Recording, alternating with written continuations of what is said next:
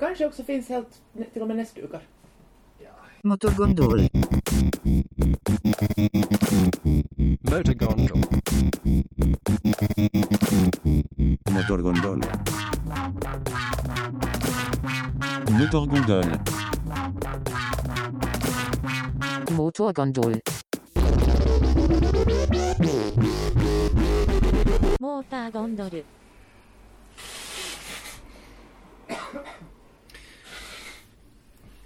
Geniala idén att släppa in lite syre. Kanske det börjar räcka snart. Now we're cooking with gas. Som man säger. Vad var det den där ena bildirektören hade sagt att nu måste alla människor stanna upp och fråga sig hur mycket ren luft behöver vi egentligen? Inte vara så girig hela tiden. Kräva att all luft ska vara ren. Ja. Det är ju... Tittar ni på Kina, det går ju bra för dem och deras luft är helt åt helvete. Ja, att man, när man inte kan veta vad kausaliteten är så borde Ja. man bara för säkerhets skull förstöra luften och se om BNP börjar växa. Ja, det, det, det är en... Vad heter det? Allting måste ju testas i kapitalismen. Man- måste liksom... Det är darwinistiskt sådär att de bästa idéerna vinner. Och allting måste testas. Istället för att testa den här basinkomsten så skulle man kunna välja en stad som man Gasinkomst. gasar, gasar ner. Gasinkomst. Ja, just det. Nytt experiment. Det kostar mycket mindre. Man behöver bara en dieselgenerator i mitten av stan. Du kommer, du kommer hem ett, ett brev på posten från Kela och sen när du öppnar det så antingen är det basinkomst eller så är det en sån här gasampull som gasar dig i facet. Sen blir du plötsligt fruktansvärt produktiv. Skrämmande. Jag börjar komma, eller jag, jag, jag kommer ihåg en, en brittisk sketchserie som heter uh, That Mitchell and Webb Show. Där är en sketch just som, som det är någon högt uppsatt politiker, en lite Sipilä-aktig nog, Mm som de sitter och planerar så att, att, att fan hur ska vi liksom, vi har så jävla mycket så här socialkostnader och sånt att de är fattiga i landet och kostar allt för mycket. Att vad ska vi göra? Och så det är en, en då liksom som, sådär vagt lite vinkar om att hej, ska man kunna döda dem? Och så är den där så, ja, den där sketchen i sig var ju nog helt rolig och sådär sen men, men det, det var bara något som stannade med mig var det här att, att det var bara så här ett uttryck som han sa alltså att, att alltså sen en sån annan som var så här att "Men tänk nu efter, inte kan man ju bara börja vet du så här döda, dö, döda, döda fattiga att, att då måste man ju lite tänka före man kastar in en, en det här nervgas i, i en Lidl. Och ba, bara det där liksom uttrycket att, att, eller att we can't just gas a little liksom sådär men ja. Efter det har jag slutat gå i Lidl för sådär att, att det är där det kommer att hända sen när, när regeringen börjar ta koll på fattiga så det, det börjar vid Lidl. Ja, sen när, sen när Samlingspartiets ungdomsorganisation blir superextremistisk och socialdarwinistisk Mm. börjar göra såna här aktioner istället för att bara Ja. istället för att bara hålla sig till det här nyliberala pappersarbetet. Borde vi tala om den här Sannfinländarnas ungdomsorganisation, den här piskningsvideon. Jag har inte ens sett den. Så det, då är det utmärkt att tala om den. Jag har bara sett det som har visats på nyheter och sånt. Men jag, jag associerar... Men jag undrar bara att är det, liksom alla säger ju att, att det är så hemskt och det är så liksom att det är typ brottsligt och rasistiskt. Men, men är det det? Sådär egentligen? Att är det brottsligt eller rasistiskt? Eller liksom rasistiskt? Är det, är det rasistiskt? Egentligen. Om man går tillbaks till någon sån här definition av begreppet rasism som en ideologi som legitimerar någon slags socialt åtskiljande och orättvis behandling av en etnisk grupp så är det kanske... Jag vet inte, det är lite Mm. svårt. Jag skulle inte säga att man kan riktigt jämföra det här med, med, med Stefan Wallin och Rosa Parks nu i de här. Nej. Det är inte riktigt samma sak ändå. Nej. Men just att det, är- det är ju bara... Det, det, det handlar ju liksom, det handlar ju om den här svenska, svenska utbildningen i, för finskspråkiga. Liksom, och, och så är det en sån där ganska stark bild som de, den här piskningsjotton. Men liksom uppmuntrar dem mot så här särbehandling och, och på det sättet. Jag vet inte. Det här var nog bara en bitanke. Alltså jag kan plocka fram, jag har en ganska bra äh, text från en eh, av, skriven av Jürgen Reder som, som jag har fått en kopia på, jag minns inte riktigt varifrån den var ursprungligen.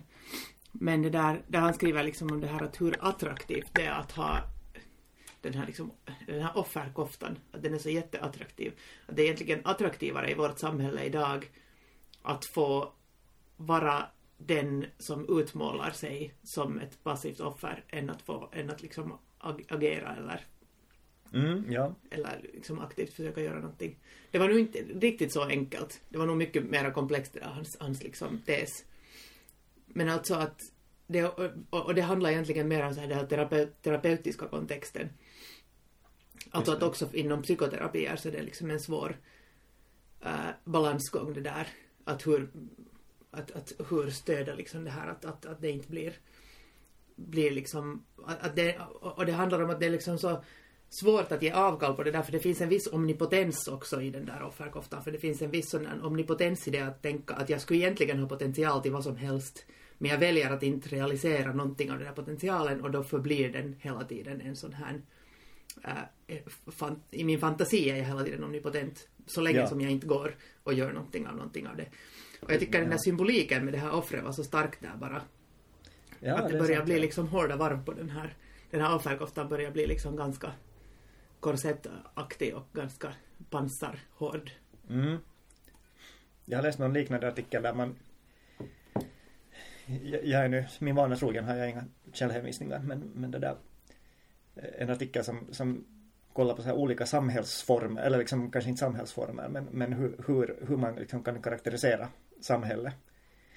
Och där var då tre olika typer. E, en av dem var ett sånt här hedersbaserat samhälle. Som, som man då hade mera liksom förr i tiden. Att eh, låt säga på medeltiden att, att ens heder kunde bli kränkt och man var liksom på något sätt tvungen då att försvara sin heder och bla bla bla. Sen har vi då, nu minns jag inte vad det kallades mera, men det, det som nu har funnits, ska vi säga på 1900-talet, åtminstone i västvärlden och sådär. Uh, vitsi, vad, vad kallar de det? Nå, det är inte så viktigt, men i, i alla fall så, nu, så nu, nu är liksom den här moderna uh, formen så, så, så är det här liksom det, det auktoritetssamhälle att, att man att, att det, den som kan liksom just så som du sa så där, den, den, den som är det största liksom offret och är den, den som liksom eh, det är den som har liksom rätt att, att eh, vädja till någon sån auktoritet så där att hej kan ni göra något? Den här som, som förtrycker mig. Mm. liksom att, att man, det, det är aldrig så där att man löser konflikter så där mano a mano utan det, man, det är alltid så där att man måste ta reda på vem som är mest förtryckt och den har då liksom lov att så att säga kontakta någon sån här övre myndighet som sen liksom bestämmer vem som vinner och vem som förlorar i någon konfliktsituation. Men det som blir lite, nu känner jag inte heller till det där så det är svårt att kommentera, men det som blir, tycker jag, lite perverst i det där är att, är att det blir ju jättesvårt att på något sätt åtgärda verkliga orättvisor och verkligt lidande när allting blir en sån här image-tävling om vem som har, vem som har det jobbigast. Mm. Och det är ofta på ett sånt sätt som man inte ens kan liksom mäta eller direkt sådär eh, just liksom påvisa eller argumentera för, utan det blir endast på den där subjektiva upplevelsens nivå. Och då är det ju bara den som har den, den hårdaste rösten som, som egentligen får igenom någonting. Ja. Kanske vi måste börja poängsätta sådär att vad är värre, så här, könsförtryck eller rasförtryck eller religionsförtryck eller vad, vad är liksom eller sexuell identitet, vad, vad är liksom högst poäng? Ja, alltså i den här... Det finns ett sådant humorprogram som, som görs av två äh, samiska komiker. Och de hade en sån där, äh, ett minoritetsrace. Att när det finns så lite pengar så de så alltså, olika minoriteter fick springa en springtävling. att, att den som kom först fram så den fick sen alla pengar och de andra blev utan. Borde inte vara den som kommer sist fram? Om vi, Ja, det borde kanske vara Ja. det, ja. ja. Där var det liksom så här, en satt i rullstol och en hade lite mörkare hudfärg och Ja, men de tyckte också att finlandssvenskarna får inte vara med och springa där för att, för att de har för mycket pengar att de behöver inte vara där. Det är nog sant. Ja. Jag tänkte ha en liten rant om adolescens, Mm. ungdom. Alltså på tal nu om de här ungdomsförbunden, det tycks ju vara det som är där, där, där, där som, som grejerna händer. Det är där det händer, ja. Ja. Det är där det piskas och, och görs aktioner och, Ja. och så här kontroversiella uttalanden och allt det här. Men jag tänkte liksom faktiskt, äh, äh, introducera det här ungdoms eller adolescensbegreppet bara, men jag, jag hittade på nytt på internet en sån här video som var jättepopulär för några år sedan, som var med i det här sketchprogrammet Lilla onsdag. Mhm. Cirkulerar mycket på nätet. Några gamla visdomsord om, om adolescensens kulturella och antropologiska och sociala betydelser.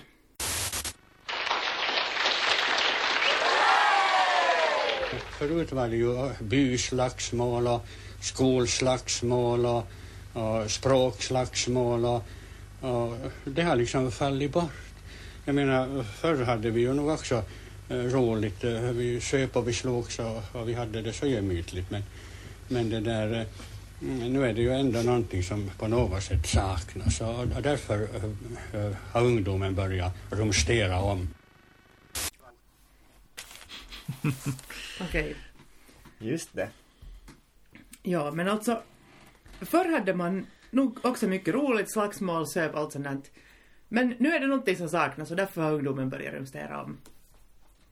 Alltså, för jag satt här och funderade på det här att, att det är liksom intressant mm, hur mycket det har ändrat det här, hur man, hur man ser på ungdom. Och när vi talade om i förra avsnittet som kanske någon gång kommer ut, jag vet inte, Ah, jo, vi får ja. se. Men, men okej, oberoende av det, men där talar vi lite om det här att hur ens sådär världssyn eller ens, eh, ens sådär egna biografiska berättelse eller narrativ beror på också sådär i vilket livsskede man är. Att när man är gammal så kanske man börjar tycka att världen är otrygg och då uppfattar man det som att världen hela tiden har blivit otryggare. Även om den i verkligheten kanske har blivit tryggare så beror det på ens position i det här biografiska narrativet så kan man se helt olika på världen och så här. Mm. Och så började jag fundera att, att, att hur, hur ser liksom adolescensen ut i det här sammanhanget? Och vad beror det liksom på? Det har liksom upprepats efter att den här gubben då uttalar sig om hur ungdomen rumsterar om. Så kan man säga att det återkommer hela tiden med jämna mellanrum sån här lite uh, diskussion om, om liksom, eller dels, dels moralpanik över, över ungdomen, att det är en sån här liksom söndrande kraft eller hotar på något sätt sam sociala sammanhållningen. Är det någon gång så som att det inte har varit så? Ja. Alltså det finns ju något så här klassiskt citat med, med vad heter det, är det nu, var det nu Platon eller Aristoteles, men någon av de här gamla grekerna i alla fall som har uttalat sig om hur, hur vad heter det, förskräckligt det är när ungdomen är så oförskämd och inte mer respekterar de vuxna och inte stiger upp när en vuxen kommer in i rummet och Jag har, glömt de här gamla sederna och liksom, ja, allt sånt här. Precis. Gamla traditioner och allting är bara, allt, det, är, det är totalt kaos nu för det är ingen kultur längre. Ja.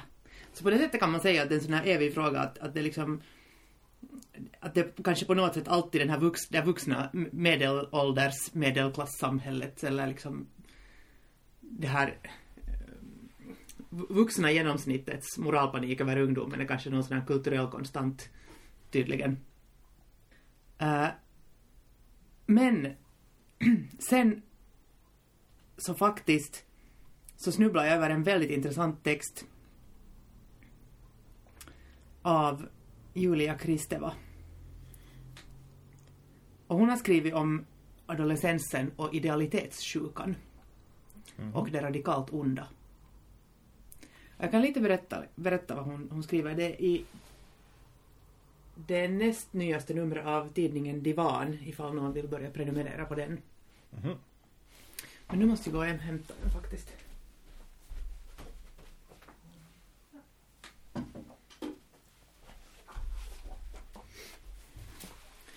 Inte divan, som någon trodde när jag läste på pärmen. Ja, man, det är ju lätt hänt. Ja. Om, tänk om man vill prenumerera på, på di, en tidning för divor. ja. Så får man bara en massa obskyra texter om, om psykoanalys. Kanske man blir en diva när man läser de där psykoanalytiska texterna. texterna. Alltså, man blir ju en intellektuell diva om inte ja, annat. ja, Bara ligger på en sån där... Vad heter den där? en divan. Di- ja,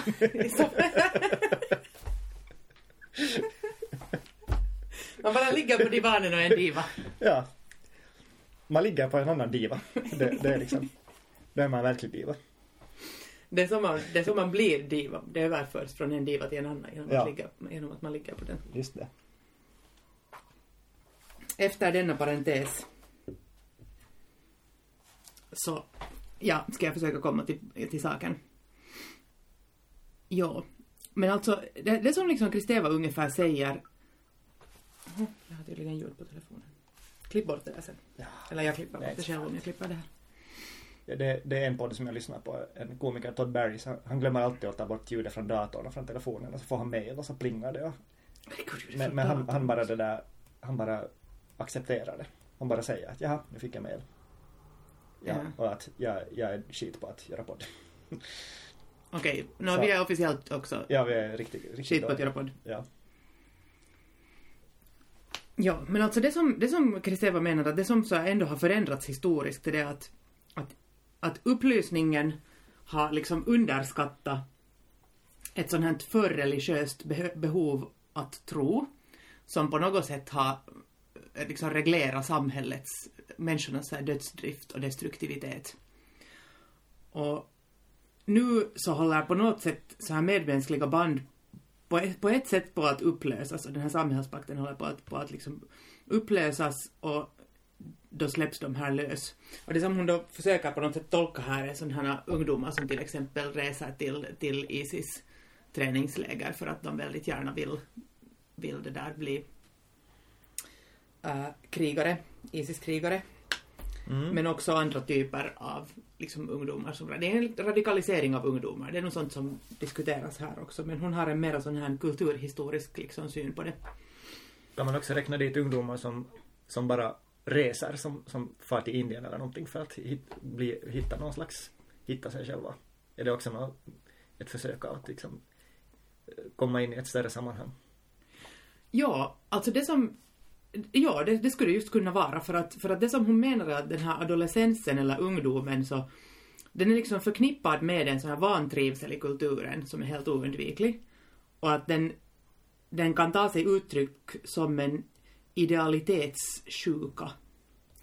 Och det här är inte liksom ett utvecklingspsykologiskt begrepp, att det här är inte sådär som, som de här liksom andra utvecklingspsykologiska teorierna som till exempel Erik Erikssons, att det är så här åtta stadier och en av dem är ungdomen och så går man bara igenom det som en så här maskin och sen kommer man ut på andra sidan och så, så är det färdigt.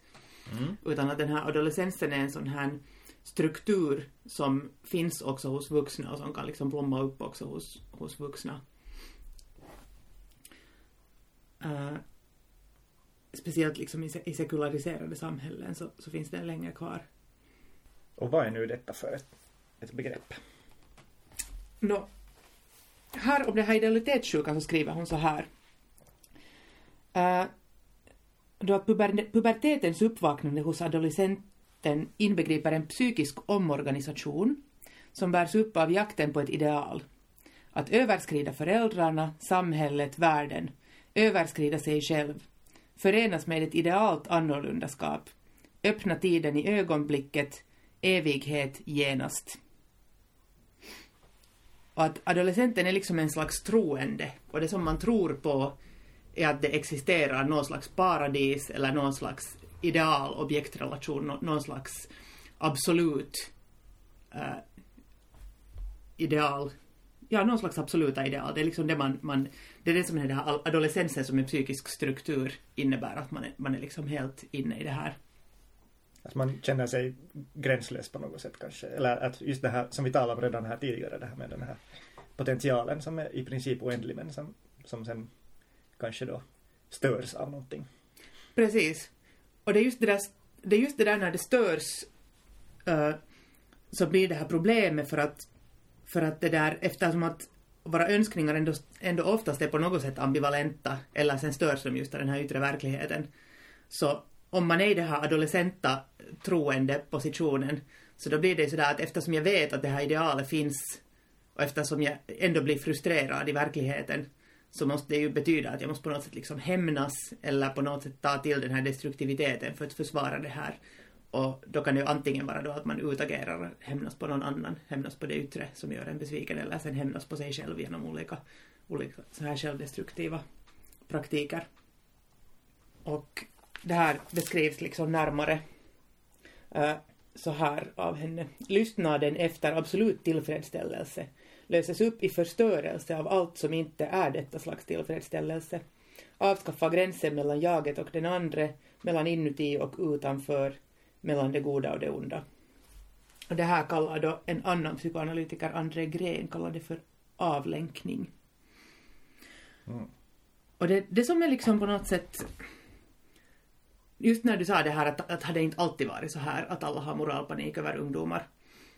Och sen, sen eh, går det ändå alltid ungefär på samma sätt att det inte, inte liksom det, det är inte ändå något annorlunda än vad det har varit för 2000 år sedan.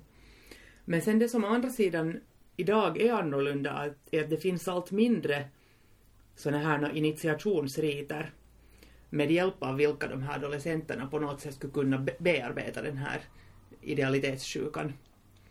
Att då hade varit äh, till exempel tidigare hade det kunnat vara de här hjälteromanerna i litteraturen har varit ett sådant medium.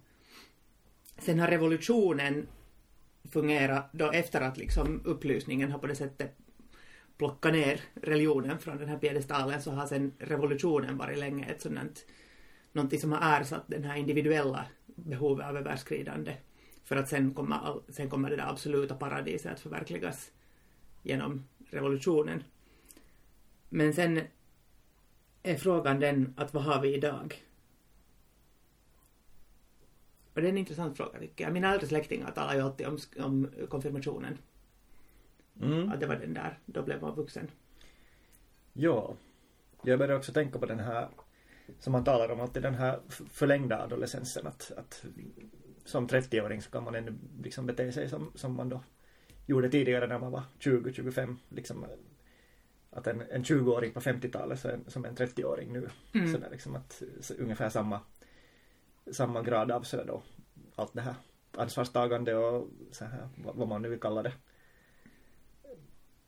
så det, det ligger ju någonting där kanske då att, att, att man, man helt enkelt väntar på den där signalen att nu, nu kan man nu, nu kan man gå vidare från det här stadiet. Att den kommer aldrig. Ja, Förut var det kanske konfirmationen, allra senast var det ju giftermålet kan jag tänka mig. ja, Och, och att få barn och så vidare. Så Ja. det är en slags tvingare en nästan att ja. ge upp sina drömmar när man får barn. Kanske inte riktigt så men, men det där. Eller Men- byaslagsmålet. Byaslagsmålet. det- Ja, jag får alla utlopp för sin, för sin dödsdrift där. Vi, vi precis anvisade tider och, och, och platser och så behöver man inte hålla på och rumstera om ja. och göra revolution hela tiden. Ja, det ligger nog någonting i det där måste jag säga. Faktiskt. Jag känner igen mig själv också i det. På något sätt. Eller den här känslan av att, att det, allting är möjligt. Men sen blir det ändå aldrig någonting alls av det. Mm. Att det, är det sen liksom, vad, vad, är sen, står det i artikeln, vad är liksom sen, hur kommer man ut ur det här? Måste man liksom acceptera, så då måste man ge upp så att säga. Alltså, hon efterlyser i den här artikeln något slags sätt att liksom mobil- mobilisera den här idealitetssjukan på ett konstruktivt sätt i samhället. För att det här behovet att tro innehåller också en, en vilja att veta. Och, eller det är liksom de här två stora grundfrågorna på något sätt i adolescensen. att Behovet att tro på någonting och viljan att, viljan att liksom veta. Och att skulle man kunna till exempel eh, man, skulle- det här skulle kunna komma till nytta inom sociala yrken, utbildning, kultur, biståndsarbete, att återuppbygga Afrika, förbättra flickors ställ, all, all, alltså utveckla hållbara energikällor. Det finns jättemycket sådant konstruktivt som man skulle kunna, liksom behöva, kunna mobilisera den här idealitetssjukan till istället för att det skulle eh, hamna in i, i liksom enbart gå på tomgång Ja. och leda till, till sån här radikalisering. Det är också lite länkat kanske till den, så här, den här liksom relativiseringen och, och så här att, att det är nästan lite nollo att, att vara idealisk nu för tiden och så där, att ha, ha starka åsikter om någonting för att man, ingenting är rätt och ingenting är fel så att säga. Så att, att det liksom finns kanske inte den där samma heller tillfredsställelsen av att då hitta något ideal eller någonting sånt här typ uppbyggande att ägna sin tid åt. Ja, på något sätt så liksom, jag tycker det är lite samma som hon säger när hon konstaterar, konstaterar att, liksom, att det är en sak Det är en sak med så här att det finns olika kultursystem och olika symboliska system som har kanske olika värden och sådant och de kan kollidera. Men sen är det en annan sak med den här liksom extrema idealitetssjukan för att den, den på något sätt hotar sen hela samhället så tillvida att den gör det meningslöst att skilja på vad som är bra och dåligt. Att det blir liksom egentligen en slags nihilism Ja, i sin, i sin extrema form. Och det där. Och just på det sättet så kanske det är lättare idag att hamna i det där nihilistiska diket. För man kan inte riktigt ta tag i något av de här systemen som Ja. finns för de har alla blivit så motbevisade eller på något sätt urholkade. Ja. Men jag tyckte det här var intressant att, att jämföra med en annan tänkare, Denis Robert Dufour, som är en sån här fransk eh, professor. För att han anser, eh, han eh, skriver liksom om det att, att den här orsaken att den här universella moralen inte liksom fungerar eller de här sekul- sekulära universella moraliska värdena inte, inte liksom fungerar är det att moral kan bara fungera i namn av någonting att det måste liksom finnas någon stor andra som legitimerar de där värdena. Mm, ja, det där lå- låter ju lite som något Nietzsche någonting, att Gud är död och att moralen måste definieras utgående bara från en själv. Ja, Eftersom det inte finns några auktoriteter längre. ja just det. Ja, men liksom om man tänker på sån här Alltså vad man kan ha till exempel som ett, som ett rätteföres, rättesnöre för pedagogik eller för att hur ska man liksom integrera en ny generation i samhället. Eller hur ska liksom de här adolescenterna som snart ska bli de här subjekterna, att hur ska de liksom komma in i, i hela det här symboliska systemet så, så så det, när många liksom ofta säger sådär att ja, att idag finns det ingen riktning eller idag finns det ingen sån där inga principer mera för pedagogiken eller för liksom ungdomsarbete eller någonting utan det är bara att det kan inte liksom heller riktigt finnas för att, för att vi har så gjort oss av med alla de här stora olika versionerna av, av den stora andra som skulle kunna garantera det. Och tyck, ja. In, ja. in, intressant ordval det här att integrera ungdomar i samhället. Jag börjar tänka på liksom in, integrationspolitik helt så här med invandrare och så vidare. Att det är ju i Ja, princip det- samma sak. Det blir ju lite samma retorik. Ja, Att det är en så här farlig grupp som en liten så här krutdurk att om man Ja. inte integrerar dem så då, ja, då kommer det att smälla. just det. Och det är, det är inte bara en geografisk grupp utan också en eh, tempo... Vad heter det? En temporal kategori. Temporal kategori, ja. Jag tänkte säga temporär kategori, men no, det är det kanske också. Eller är det om vi alla måste vara adolescenter kanske till livets slut? Ja, det, ja. Det, det är ju kanske vartåt det pekar för tillfället. Tänk att vara en 90-åring så att åh, vitsi. Jag vet inte, vad säger man när man är adolescent? Nu kom det just en, en, någon undersökning om vad man kallar mm, offentliga transportfordon. Att man säger till exempel inte raitsikka, raitsikka mera utan man säger spora eller ratikka. Mm. Ja. Man måste hålla sig sen Ja. ja. med de här begreppen. Jag har aldrig ens hört raitsikka. Jag hade inte heller hört det. Det var tydligen ännu på 80-talet en del av Just det. slangen. Raitiola. Ja, Ja, det var faktiskt ja, i, i, i Hesari en, en sån här om slangen. Alltså hur den uppstod när, när eh, finskspråkiga och svenskspråkiga arbetarklassungdomar liksom trycktes ihop på små områden i olika arbetarklassstadsdelar i Helsingfors Mm. och utvecklade sådana här gemensamma vokabulärer. Ja. Och sen blev det förstås förknippat med det att, att eh, om man talar slang så ansågs man också vara lite så här våldsam och farlig. Ja, men ja, adolescensen. Ja, men det skulle jag nu säga om den här Dufour, alltså att, att han talar just om det här att, att det här avståndet i den, den stora andra som ni säger ett intressant begrepp, jag har inte förklarat det hittills, men, men man skulle liksom kunna säga att det här sättet som, som människan blir ett subjekt är att underkasta sig någon slags symbolisk ordning som är liksom delad av alla, som man inte kan bara sådär narcissistiskt bestämma, utan det är liksom en sån där tredje att, att, att våra relationer med andra människor kan vara sådana eh, du, dualistiska duellrelationer. Men, men sen finns det också det här, det här tredje som är den här, det symboliska språket. Som man inte kan sådär bara, bara genom att döda en annan människa kan man inte utrota det eller man kan inte liksom bara bestämma Mm. sådär. Ja, Nu är det så här. det är det där ultimata som, som man inte kommer utanför egentligen. På något sätt. Ja, Så länge som man har med andra människor att göra, liksom större grupper än en. ja. Och då har vi haft liksom då, kanske för grekerna har det kanske varit liksom fysiken eller, nat- eller naturens lagar kanske på något sätt har varit det här stora andra. Och sen, sen, sen har vi haft den mono, monoteistiska guden. Och sen när den mono, monoteistiska guden hade konstruerats så har på något sätt republiken eller nationalstaten kommit in. Sen kan man säga att na, nazismens stora andra är rasen. Och sen nu till sist liksom i det postmoderna så är det bara subjektet själv. Alltså att basically man måste liksom lyfta sig i håret. Lyckats med det här. Var det baron Münchhausen? Vem var det som lyfte sig i håret?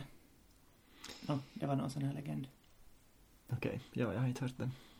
Ja, men han har en sån här sen intressant tanke att att det här är liksom att om vi nu ska ha någon här kandidat för att vem är det, va, va- var finns den här stora andra som liksom legitimerar vår nuvarande symboliska ordning och som på något sätt gör att vi kan om, återskapa oss själva som subjekt i förhållande till det, så kanske det skulle vara i dagens läge marknaden. Och, och på det sättet så kan man se det att den där orsaken till att adolescensen hela tiden liksom förlängs, eller att vi aldrig kan ta oss ur den, är det att det innebär att vi skulle måste liksom förbinda oss kanske till något värdesystem som är inert i förhållande till marknaden eller som liksom som på något sätt garanteras av någonting annat än marknaden. Och istället för, istället för det, eftersom marknaden vill expandera, så är det mycket bättre om vi hela tiden är så här adolescenter som bara hela tiden provar ut olika roller och genom vår konsumtion eh, liksom söker, söker efter olika identiteter. Men menar du där, när du sa sådär att, att, att det måste finnas någonting som är eh, skilt från det här, det här stora andra för att man ska komma ut ur den här adolescensen? När du just sa att, att någonting som är inert jämfört med marknaden, att det behövs för att komma ur det adolescenta stadiet. Att, eh, ja, Ja, just behövs det. det? det. var kanske lite, ja, det var lite ko- obskyr formulering. Men alltså så som jag på något sätt förstår honom så, För det är, är det inte just tvärtom att man borde liksom omfamna det här, det här marknaden i så fall för att bli en tvättäkta vuxen? Jag förstår inte riktigt logiken där. ja alltså, ja att om man tänker att marknaden på riktigt är den liksom enda, enda stora andra som vi har, Ja. så, så kan vi bara liksom, men det är också det att, Men det är ju, jag menar det är ju inte egentligen en, marknaden i sig är ju inte, det, det är ju helt en, en konstruktion som, som går att rasera. Att det, det är ju inte ett, ett tillräckligt stort, stora andra. Kanske, nåja, marknadstänkande och så här frimarknads kapitalistiskt tänkande, så det är kanske svårare att ta sig ur, men, ja, men mark, det, marknader i sig kan ju, det är jätteintressant det där för att jag tror det beror också så mycket på att hur man, hur man ser liksom hur förhåller sig subjektet till den stora andra. Men, men okej, jag tar liksom lite från början. Uh, vi kan sen klippa, klippa lite i det där om det blir jätteobskyrt. Kanske det är lättare från den här synvinkeln, men att om man då ser på att vad är liksom det där arbetet då som man borde, alltså man liksom ska utföra under adolescensen för att, för att sen komma, komma liksom vidare på något sätt. Så det är det att, att idealjaget, vilket då är en slags sån här orealistisk eller grandios illusion eller idealversion av en själv. Reder skriver då att det är liksom en måltavla för narcissistiskt libido. Alltså idealjaget eh, så ska man då omvandla till olika jag-ideal. mhm, Och jag-idealet i sin tur är liksom någonting som hör till det symboliska och till det, till det här la- laga, liksom delade lagarna och reglerna. Så det här, hur ska man nu ta ett exempel? Alltså idealjaget kanske kan vara just det där att, att jag skulle vilja vara jättekänd för att jag ska tycka om mig själv. Ja. Jag skulle vilja vara jättekänd för att bli omtyckt eller för att duga eller för någonting sånt. Mm. Men då skulle det där jag-idealet kunna istället vara att att jag ska jag, jag bör göra mitt, mitt bästa i skolan för att, eller jag bör eh, ha ett jobb eller någonting sånt. Och det här har liksom, det här arbetet, det finns det då vissa som säger att det har blivit svårare idag. Jag vet inte riktigt hur man nu ska titta på det här, hans tanke om att marknaden är den stora, stora andra. För att sen säger han också samtidigt att på sätt och vis har hela det här liksom symboliska, alltså det här arbetet med att komma in i den symboliska ordningen som då liksom subjektet gör, eller adolescenten gör ett arbete för att bli ett subjekt genom att ta, ta på sig liksom de här plikterna och, och godkänna så att säga att man inte kan någonsin, någonsin uppnå den här orealistiska illusionen. Att det har liksom blivit svårare. Och, och när det här symboliska kraschar så, så kommer liksom marknaden och fyller upp det här tomrummet. Och kompenserar liksom för att de, de här andra symboliska systemen försvinner. Mm.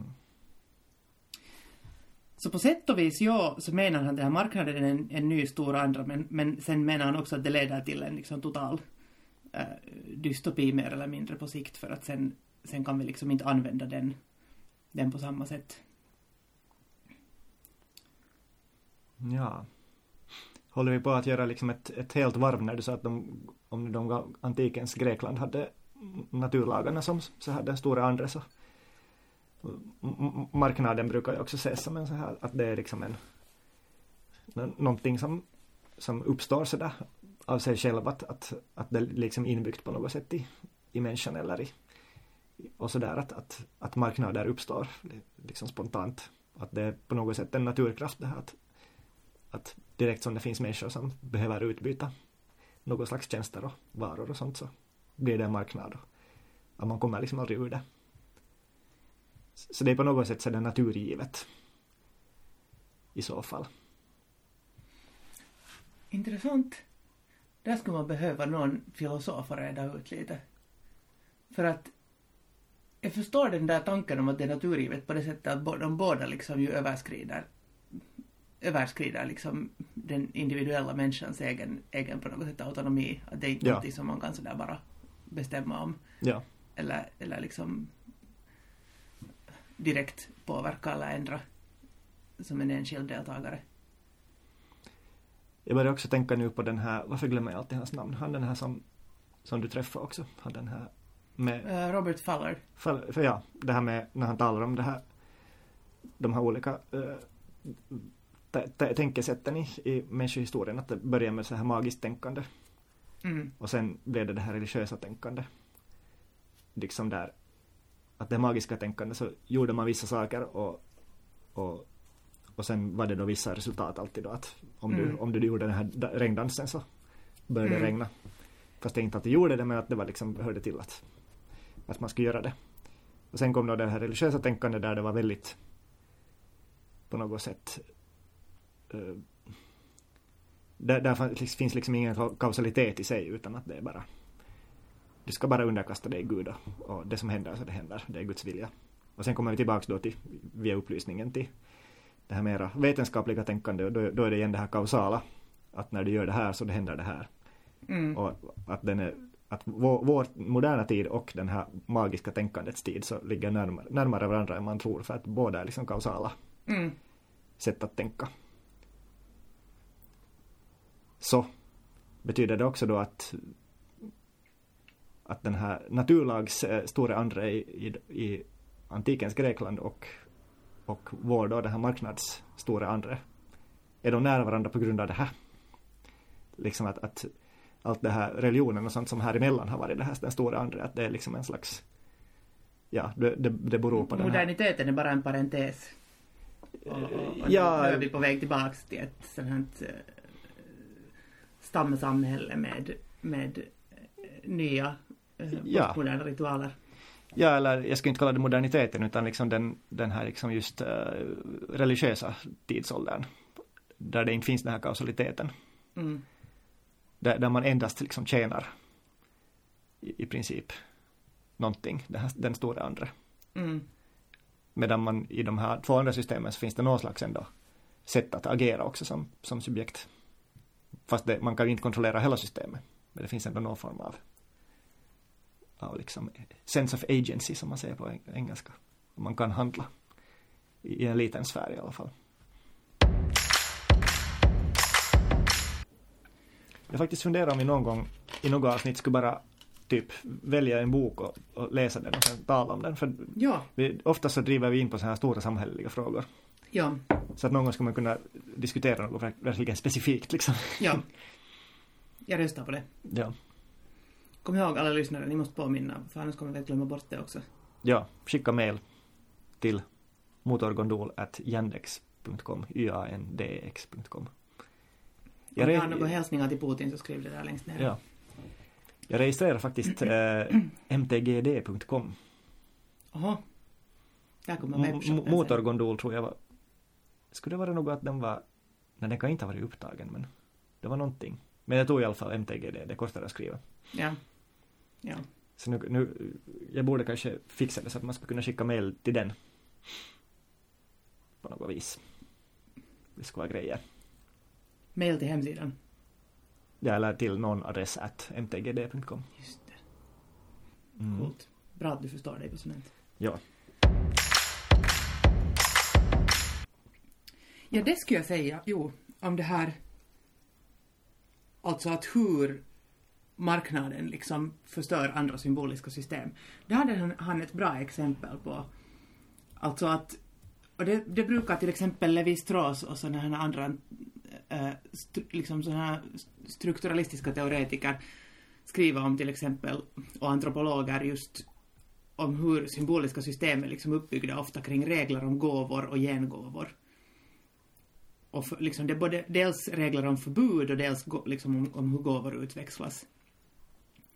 Och att eh, det intressanta med den här moderna kapitalistiska marknaden är att den kan ofta liksom på kort tid nedmontera totalt sådana oerhört invecklade uh, symboliska system som har överlevt i en oerhört ogästvänlig miljö i årtusenden. Till exempel som i Sydamerika fanns det något, sådant, hade han ett exempel i sin bok, alltså hur man försökte genom krig utrota några så här stammar som levde där i någon regnskog och det, det gick inte riktigt för de, de var så vansinnigt bra på att överleva i den här oerhört tuffa naturen. Men det sättet som man till sist lyckades utrota dem var genom att systematiskt placera ut gåvor i sådana här olika eh, man, det kallades för någon speciell term, alltså sådana skydd som man byggde av, av stora löv och sånt där, liksom hyddor. Och dit satte man olika sådana här gåvor. Och genom att eh, liksom bomba dem med så här varor och produkter så mer eller mindre totalförstörde man deras civilisation på, på liksom bara några år. Det går liksom oerhört snabbt. Och att det här liksom Mm. beror just på det att det här symboliska systemet upprätthålls av de här eh, reglerna för hur man till exempel byter saker med varandra. Och, och att marknaden på något sätt underminerar det. Jag kom bara att tänka på det när vi talade om det här att kan liksom marknaden att på vilket sätt är det den stora andra om den är det. Mm. Men sen har han sådana här exempel på att hur, hur vi i det här västerländska sekulariserade postmoderna samhället, hur vi kompenserar för det här att marknaden liksom har, eller att, att vi mer och mer har nedmonterat de här tidigare versionerna av den stora andra, eller av det, det symboliska överhuvudtaget. Och det första sättet är då till exempel olika sorters gäng, eller grupper. För att om inte liksom subjektet kan skapa sig själv i förhållande till den stora andra så kan man istället vara med i en grupp och då har inte man egentligen någon egen autonomi utan alla blir liksom fusionerade till en enda eh, individ på sätt och vis som leds av den här ledaren. Och sen har vi alternativ nummer två och det är kulten. Och det, det är liksom det att när den här eh, gemensamt del av det stora andra försvinner så alltså, istället så tar man inom någon sån här kult då och väljer åt sig själv liksom frivilligt en ny en stor andra, till exempel då en guru eller en någon annan typ av mästare som, som liksom ska garantera det där att det finns någon som som, som liksom bär upp en symboliska ordning. Och sen det, den tredje, det tredje alternativet är addiktion eller beroende. Och jag tror det, liksom, det här är också beskriver det där att vad som händer, vad, vad liksom marknaden gör åt, åt symboliska system. Alltså det att den stora andra blir, hamnar, hamnar liksom inne på behovets område istället för begärets område. Och nu är skillnaden mellan behov och begär till exempel det att ett behov kan till, tillfälligt tillfredsställas men ett begär är liksom alltid ett begär efter någonting som inte riktigt finns och därför måste man alltid liksom själv delta i att skapa det där objektet som man begär. Ja. Nåja, men, men liksom marknaden upprätthåller sådana, sådana olika sorters addiktioner genom att liksom säga åt oss att istället för att hålla på med så här begär så ska vi liksom känna behov av olika saker som vi kan få. Och, och så måste vi liksom hela tiden skaffa en massa grejer. Och till exempel, eller till exempel knark. Och sen finns det ändå det fjärde alternativet som är omnipotens. Och det är det när man börjar själv att tro att man är den stora andra. Så att man börjar liksom tycka att man kan bestämma över människors liv och död eller vad som är rätt och fel och sånt här. Och då kan man till exempel, det är till exempel så här skolskjutningar eller Breivik eller någonting sånt. Kan vara ett exempel på det. Just det, just det. Ja. Men jag tycker inte, jag vet inte, jag tycker de här alla låter ganska jobbiga. De är lite jobbiga, ja. Nog, eller jag tyckte det var en bra lista, den, den fångar nog ganska mycket av det som förekommer i dagens läge. Och föreslår han någon väg ut också? Eller beskriver han bara? Jag tror att han mera håller sig till att beskriva. Ja. Det här med addiktion är ju också, vad heter det? Det har ju också Zizek skrivit om. Att hur det, hur det är möjligt att vara eh, beroende av nästan vad som helst i dagens läge. Sådär, liksom att definitionen på, på addiktion har breddats ganska mycket. Mm. Att man kan vara beroende just av internet eller, eller eh, ja, vad det nu finns, socker eller så- sånt där, så att, liksom det, att det är inte en helt Nåja, socker är ju kanske en fysisk addiktion men att förut talade man ju om, om beroende som en, Mm. att man på riktigt hade fysiska men när man, när, när man det här inte fick det som man var beroende av.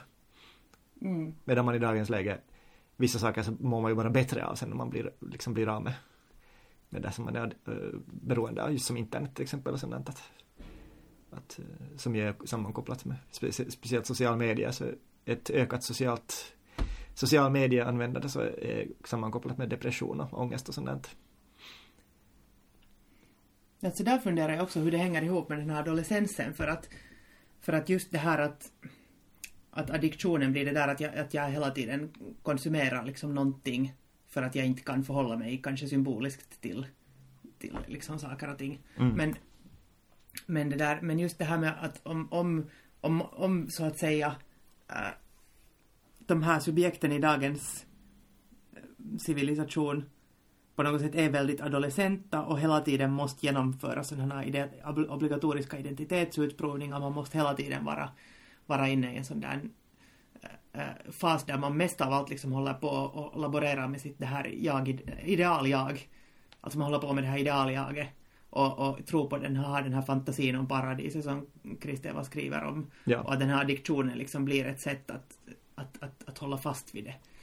Och, och, och liksom inte, inte flyt, flytta ut och, och på något sätt fejsa den här besvikelsen och, och, och kanske bli i den meningen kastrerad att man faktiskt binder sig vid ett alternativ och på det sättet förlorar något annat. Mm. Ja. Att vi är sådana den postmoderna människan är kanske adolescent i sin natur. Ja. Och att det på sätt, på sätt och vis krävs av just kapitalistiskt, ett kapitalistiskt samhälle. Att man hålls adolescent. Mm. Ja, det, säger, det- det har den där du får också som ett argument att för att när marknaden måste expandera så krävs det liksom oändlig flexibilitet egentligen av alla som deltar i den. Mm. Och då blir det ju alltid liksom ett sådant tröghetsmoment. Om, om det finns någonting som begränsar ens flexibilitet. Ja. Som till exempel det skulle kunna vara Moral. att kom, komma ut ur adolescensen. Ja. ja. ja.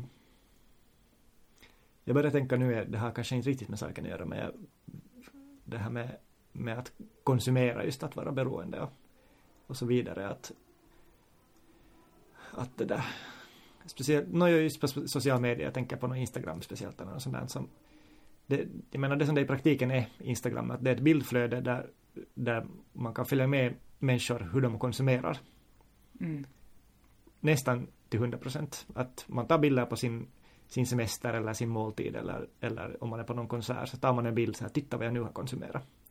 Att det är väldigt få människor som, som faktiskt skapar saker till Instagram. Det finns ju de som gör det och de, de är ju sen jättepopulära så att, och, och liksom annorlunda. Och jag, jag märker själv också att jag, jag är liksom jag, jag, bry, jag liksom orkar inte bry mig om de här liksom konsumtions, så att säga, bilderna, utan det, det är de här just det här skapande som, som kanske är intressant och, och jag funderar också att det det är kanske för mycket att kolla det är en väg ut ur den här addiktionen men det här med att just skapa Mm. det, det är nog ändå någonting som är, ligger utanför allt det här på, på något sätt att skapa saker ur tomma inte och, och Mm.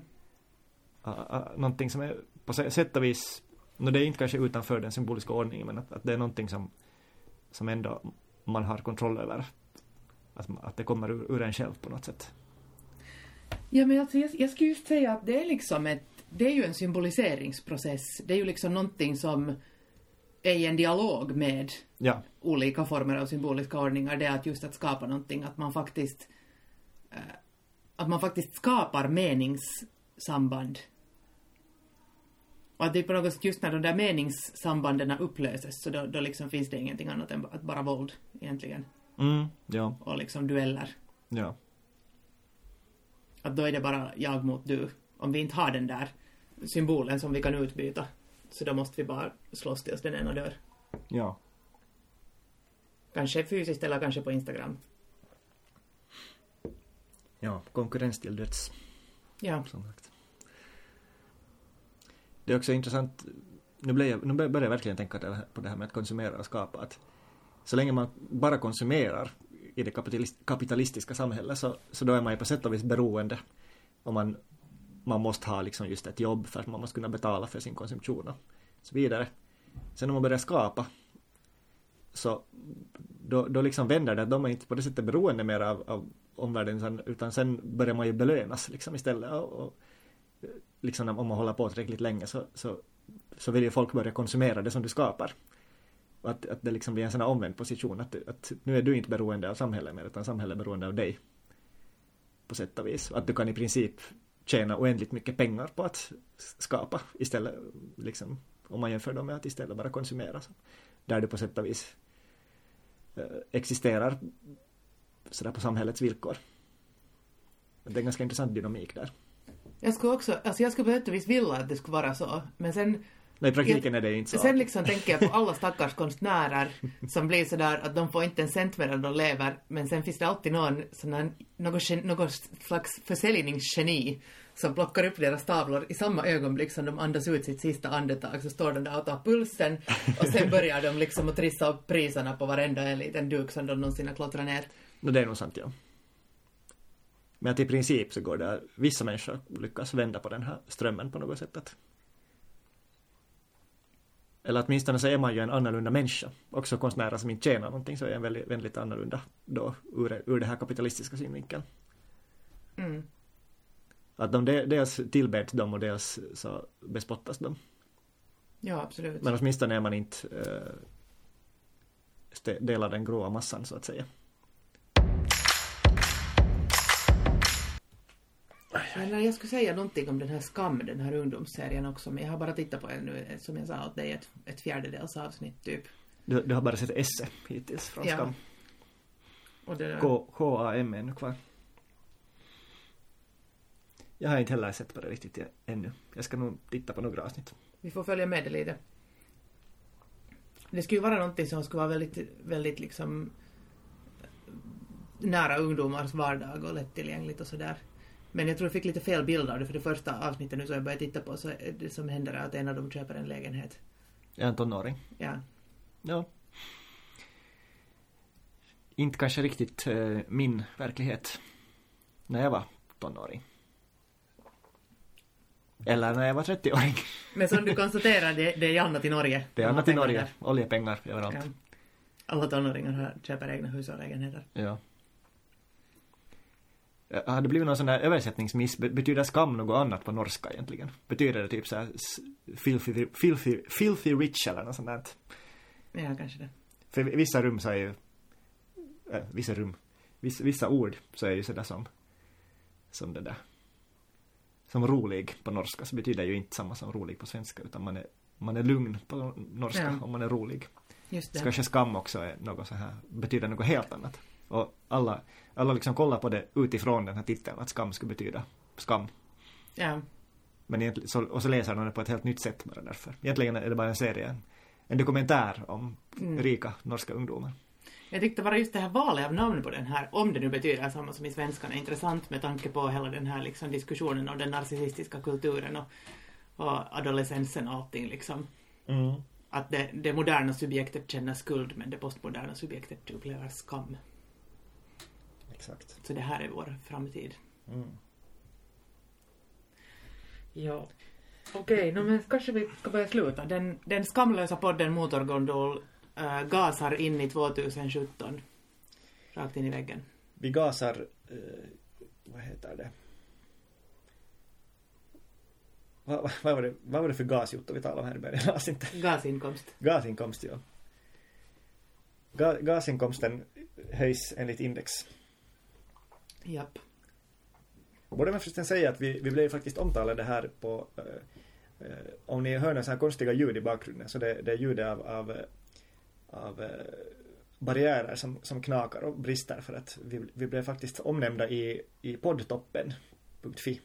Vi blev recenserade där att, att eh, jag minns nu inte det här exakta citatet men att i, i alla fall att, att det var en eh, högkvalitativ podd som har jättefå lyssnare. Exakt, det enda som är fel med podden är lyssnarna. Det är bara Ja. er det är fel på. Ja. Det är helt klart så att, att eh, vi, vi är nu de här artisterna som skapar någonting fantastiskt men som inte hittar fram till på grund av det här kapitali- kapitalistiska samhället så måste vi nu, vi måste typ dö nu för att vi blir kända poddare. Vi, vi, vi, vi ska försöka till nästa avsnitt. Ja, Nästa där- avsnitt kommer att vara, vara postumt. Vi ja, lovar. men, just det. Och så som, och så som vi sa, så vi, vi vet det här att, att det, det, det ideala objektet existerar, den ideala podden existerar, vi gör den ideala podden och, och, och om, det, om det inte är så så är det någon annans fel. För, Ja. vi, är, för vi är äkta adolescenter. Exakt. Nåja, tack för oss. Eh, ha en skön eh, dag. Yes.